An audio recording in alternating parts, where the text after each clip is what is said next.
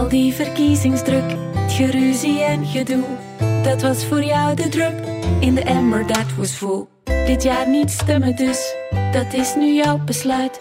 Voelt veiliger dan Brussel-Zuid. Maar niet kiezen is verliezen. Zorg voor een kompas, geef mee tegen gas en kies met de standaard. Sterk je stem met inzicht en krijg een heldere blik op de verkiezingen. Lees de standaard een heel jaar lang voor de helft van de prijs. Via standaard.be slash actie. Het is 27 februari. Dit is vandaag de dagelijkse podcast van de Standaard. Ik ben Alexander Lippenveld. De opwarming van het klimaat is volop bezig. Maar die opwarming kan vreemd genoeg voor ons land ook betekenen dat het gemiddeld tot 10 graden kouder wordt. Want dat is wat er gebeurt als de golfstroom stilvalt. Hoe groot is de kans dat dat echt gebeurt? En, nu we het toch koud hebben, gingen we niet naar een nieuwe ijstijd.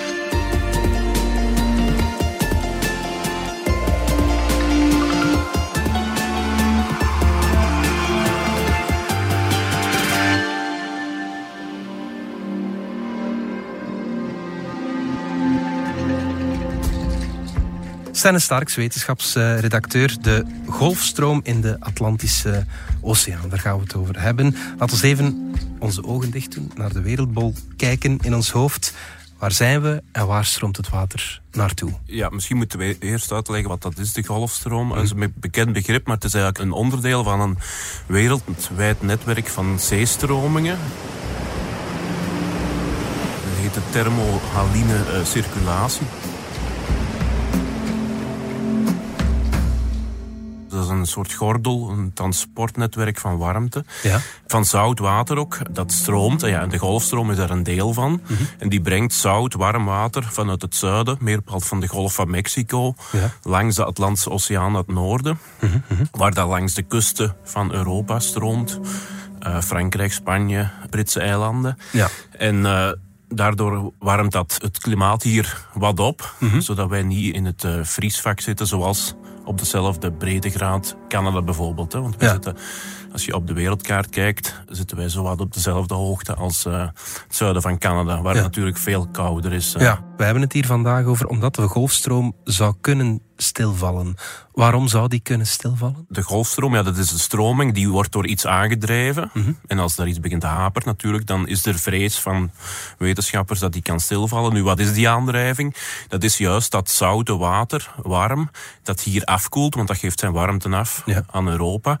Eh, in het noorden van de Atlantische Oceaan zakt dat terug naar beneden, want Mhm. eh, koud water is eh, zwaarder. Mhm, Dus dat zakt terug naar de bodem van de oceaan en dat stroomt dan terug naar het zuiden. Ja, Dus oké. dat kun je een beetje zien als de motor van die golfstroom, van die zijtak van die eh, circulatie. Door de opwarming komt er meer zoet water, smeltwater, onder andere van Groenland, bij. Mhm. Waardoor dat zoute water wordt vermengd met zoet water. Ja. Waardoor dat lichter wordt en minder goed eh, afzinkt. Ja, wat precies ja. die motor is. Dus dan kan die motor beginnen haperen, sputteren. Ja. Wat wordt gevreesd natuurlijk. Hè? Ja, ja, ja.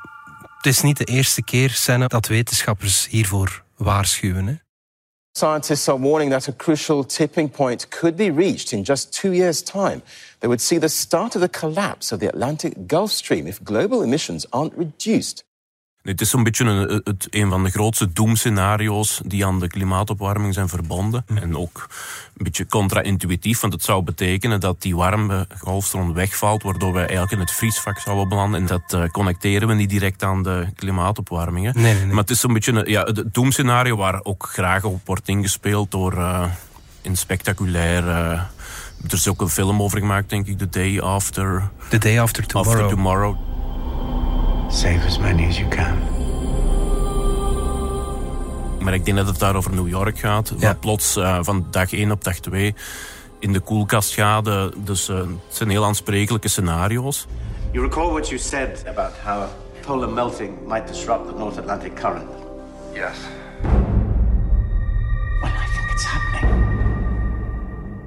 Die vrees bestaat al lang, maar het is nog altijd niet helemaal duidelijk of de golfstroom nu effectief aan het sputteren is. Ja. Nu, die gevolgen van de golfstroom, als die zou wegvallen, dan hebben we het voor ons land ongeveer 5 à 10 graden wordt geschat aan afkoeling. Groot-Brittannië, Scandinavië zou dat uh, nog veel meer zijn, 10 à 30 graden uh, kouder in de winter. Maar ook in het zuiden van de Atlantische Oceaan, waar natuurlijk die golfstroom vertrekt, Ja. daar wordt ook uh, het klimaat ontregeld. Er wordt gesproken van het Amazonewoud dat zijn regen- en droge seizoen zou omwisselen, waardoor dat er ook helemaal ontregeld wordt natuurlijk. En daar zou dan ook het juist warmer worden, omdat die Ja. warmte natuurlijk niet meer naar het noorden stroomt. Die blijft er dan, dus die regio zou nog verder, uh, nog Ja. sterker opwarmen. Met andere woorden, alles verandert. Ja, het, ja, het- ja. het wordt ook een, een van de kantelpunten van het klimaat genoemd. Waardoor je in een soort nieuw regime belandt. Hè, een nieuw klimaatregime waar je dus eigenlijk niet, niet wil belanden hè, als mens. Nee, over welke termijn zouden we kunnen spreken? Als die stilvalt, die golfstroom, dan vreest men toch dat het in een enkele decennia zouden de gevolgen zichtbaar zijn. Dus Ja. dat is niet iets van eh, meerdere eeuwen. Maar Nee. dus als zij stilvalt of als zij echt zwaar begint te haperen, Ja. dan zouden die gevolgen wel vrij snel zichtbaar zijn. Ja. Niet van vandaag op morgen, maar wel in termen van jaren, decennia. Ja, ja, ja, oké. Want dat stilvallen van die golfstroom, dat is niet dat dat plots is van knal gedaan. Het, het dijt eerder uit, zeg maar. Of, eh, of het effect zwakt af. Ja, dat zijn ze dus nu eigenlijk aan het onderzoeken met, Ja. met simulaties, met modellen. Men heeft al wel aanwijzingen uit het verleden dat het ooit al is gebeurd. Dus 12.000 jaar geleden. Aan het einde van de laatste ijstijd zou de golfstroom al eens zijn stilgevallen. Ah, ja. Ze noemen dat het jonge Drias, een periode van een heel, heel koude piek op het einde van de laatste ijstijd eigenlijk, waar het nog enkele graden kouder werd. Ah, ja. Dus dat zou toen het geval zijn geweest. En dat heeft zijn sporen nagelaten in bijvoorbeeld sedimentlagen in de oceaan. Aan de hand daarvan kan men bestuderen van ja, hoe, hoe zou zo'n scenario eruit zien? Welke indicatoren zijn er die bijvoorbeeld op het vertragen van de golfstroom zouden kunnen wijzen? Wa- aan wat kunnen we dat zien dat het gaat haperen? Ja. Of dat er iets mis mee is? En zijn er vandaag dan al concrete aanwijzingen dat die golfstroom Wel, sputtert? er zijn vele studies over verschenen al. En er zijn wetenschappers die denken aanwijzingen te zien, Mhm. maar die worden dan niet altijd geloofd of voor volledig genomen door anderen. Dus het is nog altijd een beetje koffiedik kijken. Het gaat ook om zeer onrechtstreekse waarnemingen, dus via bijvoorbeeld die oceaanbodem, Mhm. via oud koraal bijvoorbeeld. De golfstroom zelf, die meten we nog niet zo. Je kan bijvoorbeeld het debiet meten van een zeestroming. Als die, je kan meten hoe snel die stroomt. Dat gebeurt nog niet zo lang eigenlijk. Ah ja, sinds- Rechtstreeks. En dat zijn zogenaamde hydrografische metingen. Dus die eigenlijk nog maar sinds 2004 ongeveer worden die, worden die metingen gedaan. Dus wordt er gemeten hoe snel de golfstroom effectief stroomt.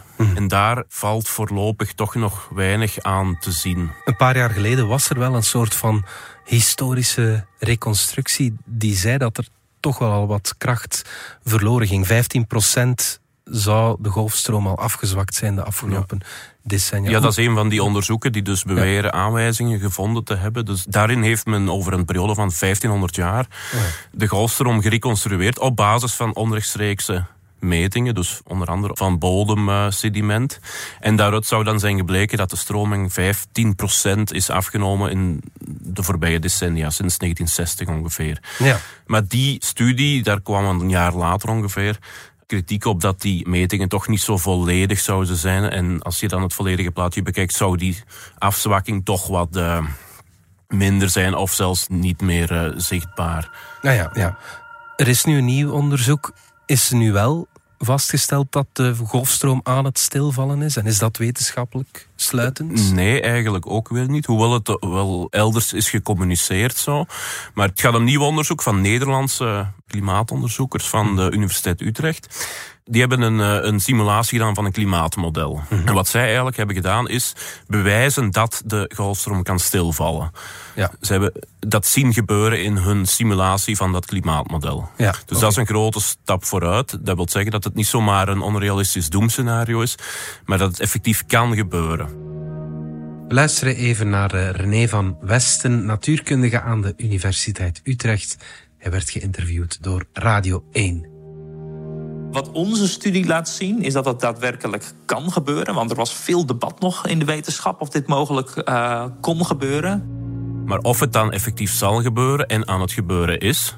Zij zijn in een artikel nogal pessimistisch en zij ontwaren, zoals eerder onderzoek, wel een negatieve trend, maar het is maar de vraag of die effectief uh, bezig is. Ja. Maar zij extrapoleren en zij gaan eraan vanuit dat wij op koers zouden zitten naar een stilvallende golfstroom. Ja, en zo'n mogelijk kantelpunt, ja. Maar dat is dus voor alle duidelijkheid nog niet het geval en wordt niet onderschreven door uh, andere klimaatwetenschappers. Ja, want er is wel heel wat discussie, hè? Ja, de studie is wat ze is en het is een mooi onderzoek, maar ze wordt misschien ietsje anders uitgelegd dan ze zou moeten uitgelegd worden misschien. Mhm. Het gaat om een klimaatmodellering, een simulatie.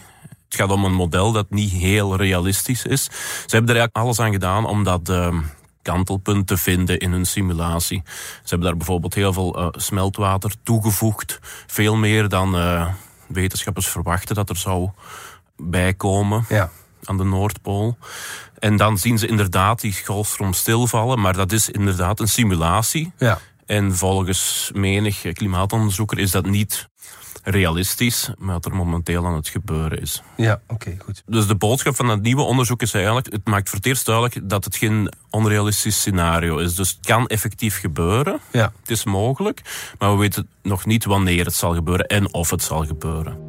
Nou ja, dat is dus iets wat wij niet kunnen zeggen met onze studie, wanneer dit precies gebeurt. Dus iets anders wat dit uh, onderzoek oplevert, behalve de vaststelling dat het kan gebeuren, is een soort van early warning. Die het systeem, het klimaatsysteem afgeeft dat erop zou kunnen wijzen dat de golfstroom aan het stilvallen is. En dat is een, een, een minimum waterverplaatsing als die onder een drempelwaarde duikt mm -hmm. in de Zuidelijke Oceaan, in, de, in het zuiden van de Atlantische Oceaan. Ja. Wat erop wijst dat als die waarde bereikt wordt, als het debiet daaronder gaat, dan wijst dit erop dat er echt effectief iets aan de hand is. En Ja. dat die over een enkele decennia effectief kan stilvallen, de golfstroom. Dus het is wel nuttig om die indicator te hebben. Dan kunnen we daar tenminste al op uh, gaan letten. Ja, ja, inderdaad, goed. En stel dat we die indicator bereiken, kunnen we er dan nog iets aan doen? Of is het dan gewoon... Dan raad ik aan dat we ons huis toch nog iets beter gaan uh, isoleren Ah, ja. misschien. Nee, dan wordt het moeilijk, want dan gaat het snel gaan. Dus we hebben er alle belang bij om nu gewoon de opwarming op de klassieke manier aan te pakken door broeikasgasemissies te beperken. Ja, dat is eh, de belangrijkste boodschap. En over dat eh, isoleren van je huis, daar hadden we gisteren een podcast over. Dus wie die nog niet hoorde, zeker luisteren. Straks gaan we nog verder over eh, de mogelijke ijstijd die eraan komt. Maar eerst gaan we even uit voor reclame.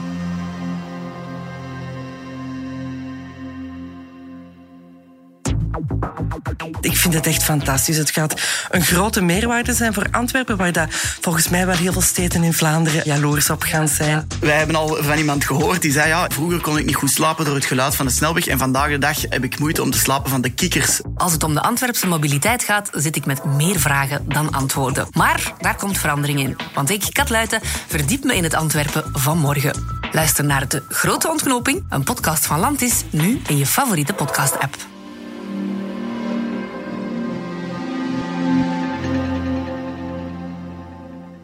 Senne, terug naar jou, over koude gesproken. Er wordt vaak gezegd dat we, ondanks de opwarming van het klimaat, naar een nieuwe ijstijd gaan.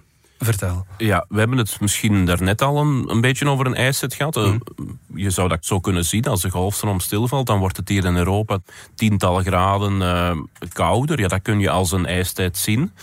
Maar klassieke ijstijd is natuurlijk nog iets anders. Dat wordt gezien als een uh, natuurlijke variatie van het klimaat. Ja. Waar we om de zoveel tijd in belanden. En um, ja, ik weet niet wan- of je weet wanneer de laatste ijstijd was. Dat is een beetje de... Ik weet tot 11.000 jaar Ja, geleden. ongeveer. Dan, is het gestopt. Dat Dan zit je er eh, goed, goed op. Ja. Ja. ja, dus we zitten sindsdien in een warme periode, interglaciaal. Uh-huh. Zo wordt dat genoemd. Men gaat ervan uit dat ongeveer om de 100.000 jaar er een nieuwe ijstijd begint, begint of Ja. optreedt.